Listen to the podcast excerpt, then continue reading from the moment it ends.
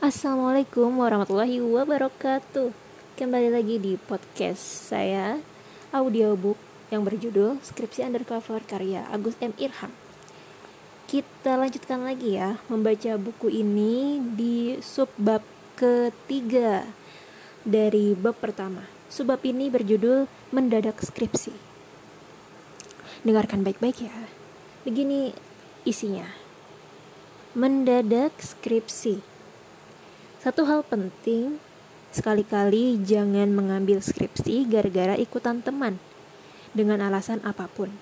Misalnya, karena tidak mau dicap bodoh, biar punya teman curhat soal skripsi atau alasan yang sepele, biar ramai. Bukan apa-apa.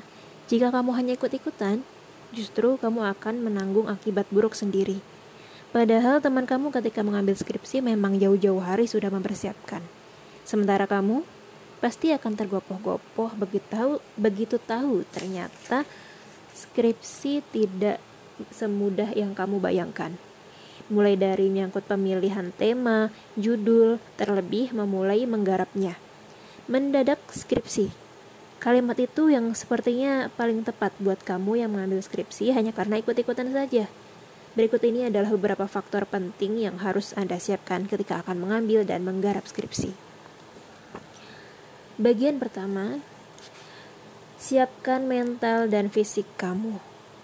Menulis skripsi tidak saja membutuhkan kesiapan dalam sisi materi yang akan diteliti, tetapi juga kesiapan mental dan fisik.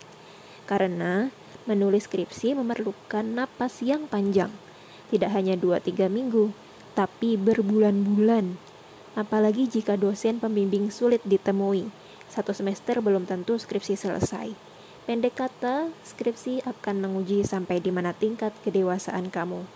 Belum lagi jika kamu sering mengalami penolakan, mendapati kenyataan bahwa teman seangkatan yang mengambil skripsi pada saat yang sama ternyata sudah selesai. Pada titik ini, sebenarnya skripsi dapat dijadikan sarana pembelajaran bagaimana bekerja di bawah tekanan. Tetap bersemangat, pantang menyerah meskipun sering terjatuh dan mengalami kegagalan. Yang tak boleh kita lupakan bahwa ketahanan fisik juga sangat diperlukan. Kesehatan jadi modal pertama dan utama dalam menyelesaikan skripsi. Bagaimana mungkin bisa mengerjakan skripsi kalau sakit? Maka dari itu, sebisa mungkin berolahraga secara rutin, minimal tiap pagi, selepas sholat subuh. Ada banyak manfaat yang bakal kamu dapat. Di samping tubuh kamu menjadi sehat, pikiran juga jadi segar hati pun terasa lapang. Mengapa? Karena ketika jalan-jalan, kamu akan sering berjumpa dengan bagian masyarakat lain yang beraktivitas sejak dini hari.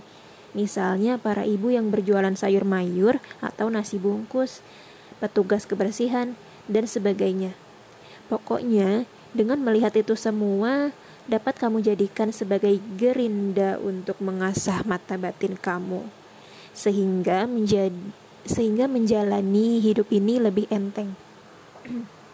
lebih bisa bersyukur atas karunia kenikmatan dan kesempatan yang diberikan Tuhan. Dan bentuk nyata rasa terima kasih itu adalah semangat kamu yang berlipat-lipat untuk segera menyelesaikan skripsi. yang kedua, minta doa restu orang tua, guru, dan orang-orang terdekat. Doa bukanlah bentuk pesimisme, melainkan sebaliknya, merupakan wujud optimisme. Berbaik sangkalah pada Allah bahwa dirinya akan membersamai usaha kamu. Doa orang lain juga bisa menjadi dorongan moral agar tidak cepat putus asa jika menghadapi kesulitan saat mengerjakan skripsi dengan meminta orang lain berdoa, kamu seperti telah mempunyai backing agar tidak mudah putus asa. Berdoa juga akan memberikan kekuatan batin untuk tidak gampang menyerah. Kalau gagal tidak gampang putus asa, karena ada keyakinan bahwa batas kekuasaan manusia hanya ad, hanya pada usaha, sedangkan keberhasilan sepenuhnya hak Allah. Kalau berhasil juga tidak lantas sombong, Karena pada dasarnya apa yang diperoleh tidak semata-mata dari diri kamu, tapi sepenuhnya datang dari pertolongan Allah. Keberhasilan akan mendatangkan rasa syukur lantaran telah berhasil mengoptimalkan peranti-peranti yang telah diberikan Allah. Misalnya, otak yang dapat digunakan untuk berpikir, hati untuk merasa, fisik untuk bekerja, dan seterusnya. Berbicara masalah doa, doa kedua orang tua tentulah sangat penting Ingatkan dengan satu hadis ini dari Abdullah bin Amru radhiyallahu anhu.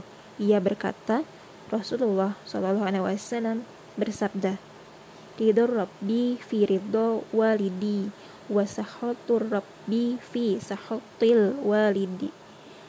Yang artinya, ridho Allah tergantung pada ridho orang tua dan murka Allah tergantung pada murka orang tua.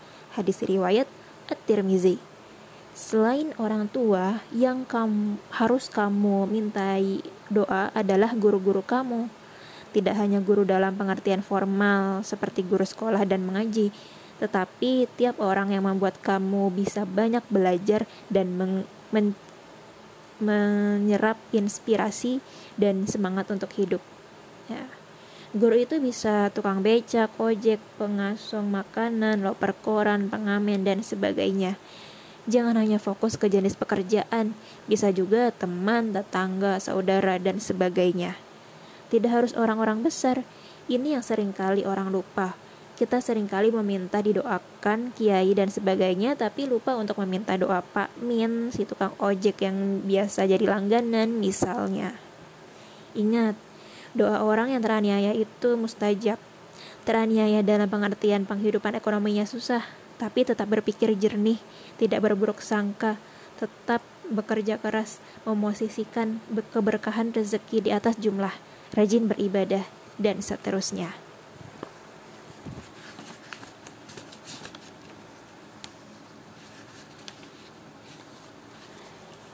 Bagian ketiga, susun jadwal pengertian skripsi. Tak kalah penting adalah tentang deadline atau tenggat waktu. Penyusunan jadwal akan memudahkan kamu untuk mengingatkan ketika kamu sibuk atau tengah suntuk dengan satu persoalan.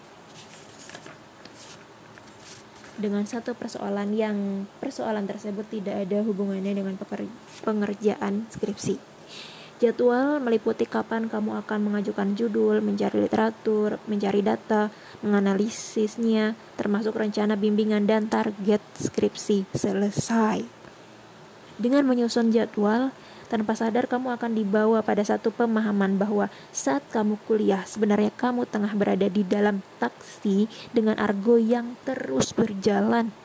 Artinya, jika kamu berlama-lama kuliah, skripsi tidak segera diselesaikan, maka semakin tinggi biaya yang harus kamu keluarkan. Jika skripsi menjadi mata kuliah terakhir yang kamu ambil, sehingga ketika skripsi selesai kamu bisa langsung diwisuda dan tidak perlu membayar uang semesteran lagi. Dan uang SKS jika kamu kuliah di perguruan tinggi swasta.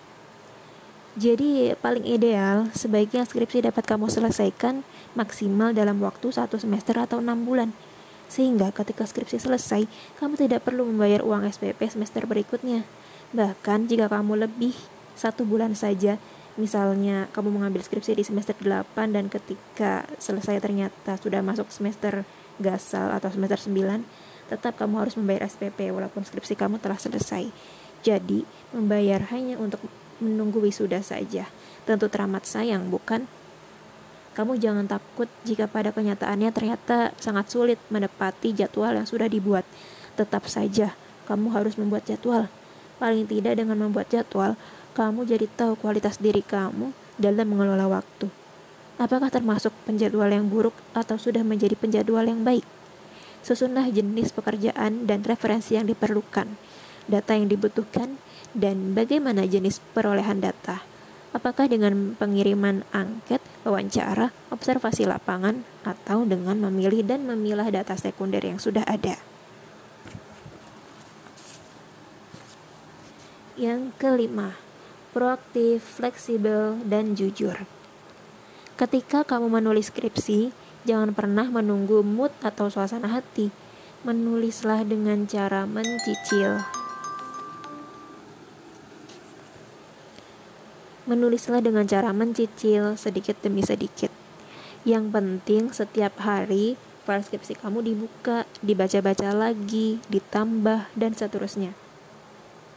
Jadi harus proaktif untuk menyelesaikan skripsi.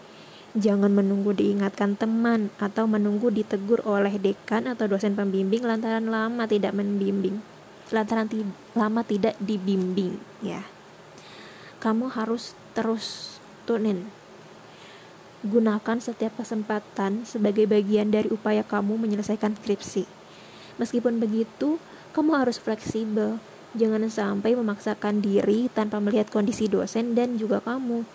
Misalnya, kamu tengah sakit. Beristirahat saja terlebih dahulu. Sambil berhitung mengumpulkan tenaga dan semangat guna melanjutkan dan menyelesaikan skripsi. Yang keenam, siapkan anggaran keuangan khusus. Kata orang Jawa, Jerbasuki Mawabeya. Gitu bukan sih bacanya? Ya, begitu ya. Untuk kehidupan yang lebih baik tentu butuh ongkos, begitu artinya. Butuh pengorbanan. Demikian juga skripsi Pengorbanan itu bisa dalam bentuk uang, waktu, tenaga, bahkan rasa. Maka, sebelum membuat proposal skripsi, baiknya kamu membuat proposal keuangan skripsi. Daftar dan urutan apa saja yang dibutuhkan. Misalnya untuk membeli laptop, printer, kertas, dan tinta printer ongkos transportasi ke sana kemari saat mencari data, biaya pulsa, menelepon atau janjian dengan responden, wawancara dengan narasumber, atau biaya angket karena soal kuesioner harus dikirim melalui jasa pemaketkan, pemaketan. Kalau kamu sudah bekerja, baiknya mempunyai tabungan yang memang dari awal sudah diniatkan untuk membiayai penelitian dan penulisan skripsi. Kalau kebetulan masih menjadi tanda kutip Tarzan alias masih bergantung pada orang tua.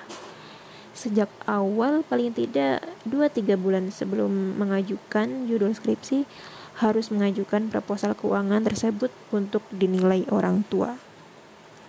Harapannya orang tua kamu bisa menilik terlebih dahulu apakah pos pengeluaran dan besaran rupiah di proposal tersebut sudah sesuai kebutuhan atau terlalu tinggi Hasil penilaian dari orang tua tersebut menjadi pertimbangan mereka seberapa besar uang yang dapat mereka keluarkan.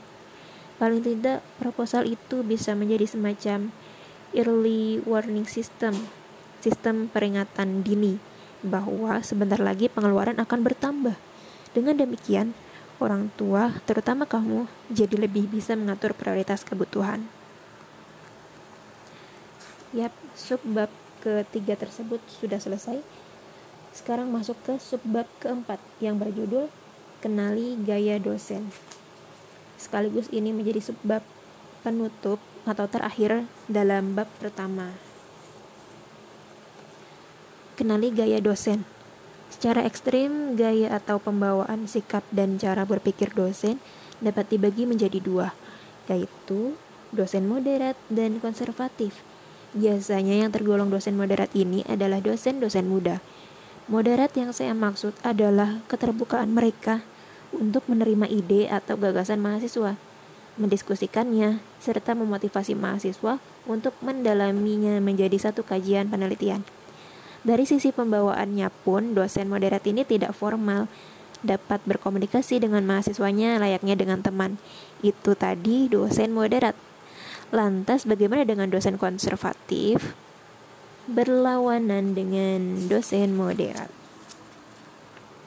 Dosen konservatif pembawaannya atau cara berbicara dan menghadapi mahasiswa bersifat kaku atau sangat formal. Dari segi pemikiran mereka lebih suka mahasiswa yang nurut, tidak terlalu banyak bertanya, apalagi mendebat besar kemungkinan dosen jenis ini sudah mulai dalam tanda kutip memudar dari peredaran. Selain karena memang dosen konservatif ini biasanya adalah dosen senior dan biasanya usianya memang sudah tua, sekarang ini di banyak perguruan tinggi dibentuk satu gugus kerja bernama gugus pengendalian mutu dosen sehingga ada mekanisme peringatan dini jika ada dosen yang masih mempertahankan gaya-gaya lama. Informasi dan memahami peta gaya dosen ini akan membuat kamu lebih mudah atau adaptif ketika harus bimbingan skripsi. Kamu tinggal menyesuaikan style dosen tersebut tapi tentu saja tidak lantas yang penting skripsi selesai. Tetap saja kamu harus berusaha semaksimal mungkin skripsi yang kamu tulis berkualitas. Sekian pembacaan bab eh bab subbab terakhir yaitu subbab 3 dan 4 di dalam bab 1. Sampai jumpa di podcast berikutnya akan dilanjutkan ke bab kedua yang berjudul Saat Menulis Skripsi. Oke, sampai jumpa di podcast selanjutnya ya. Semoga nggak bosan mendengarkannya. Untuk kami yang sudah mendengarkan, terima kasih sudah mendengarkan dan semangat terus dalam studinya. Wassalamualaikum warahmatullahi wabarakatuh.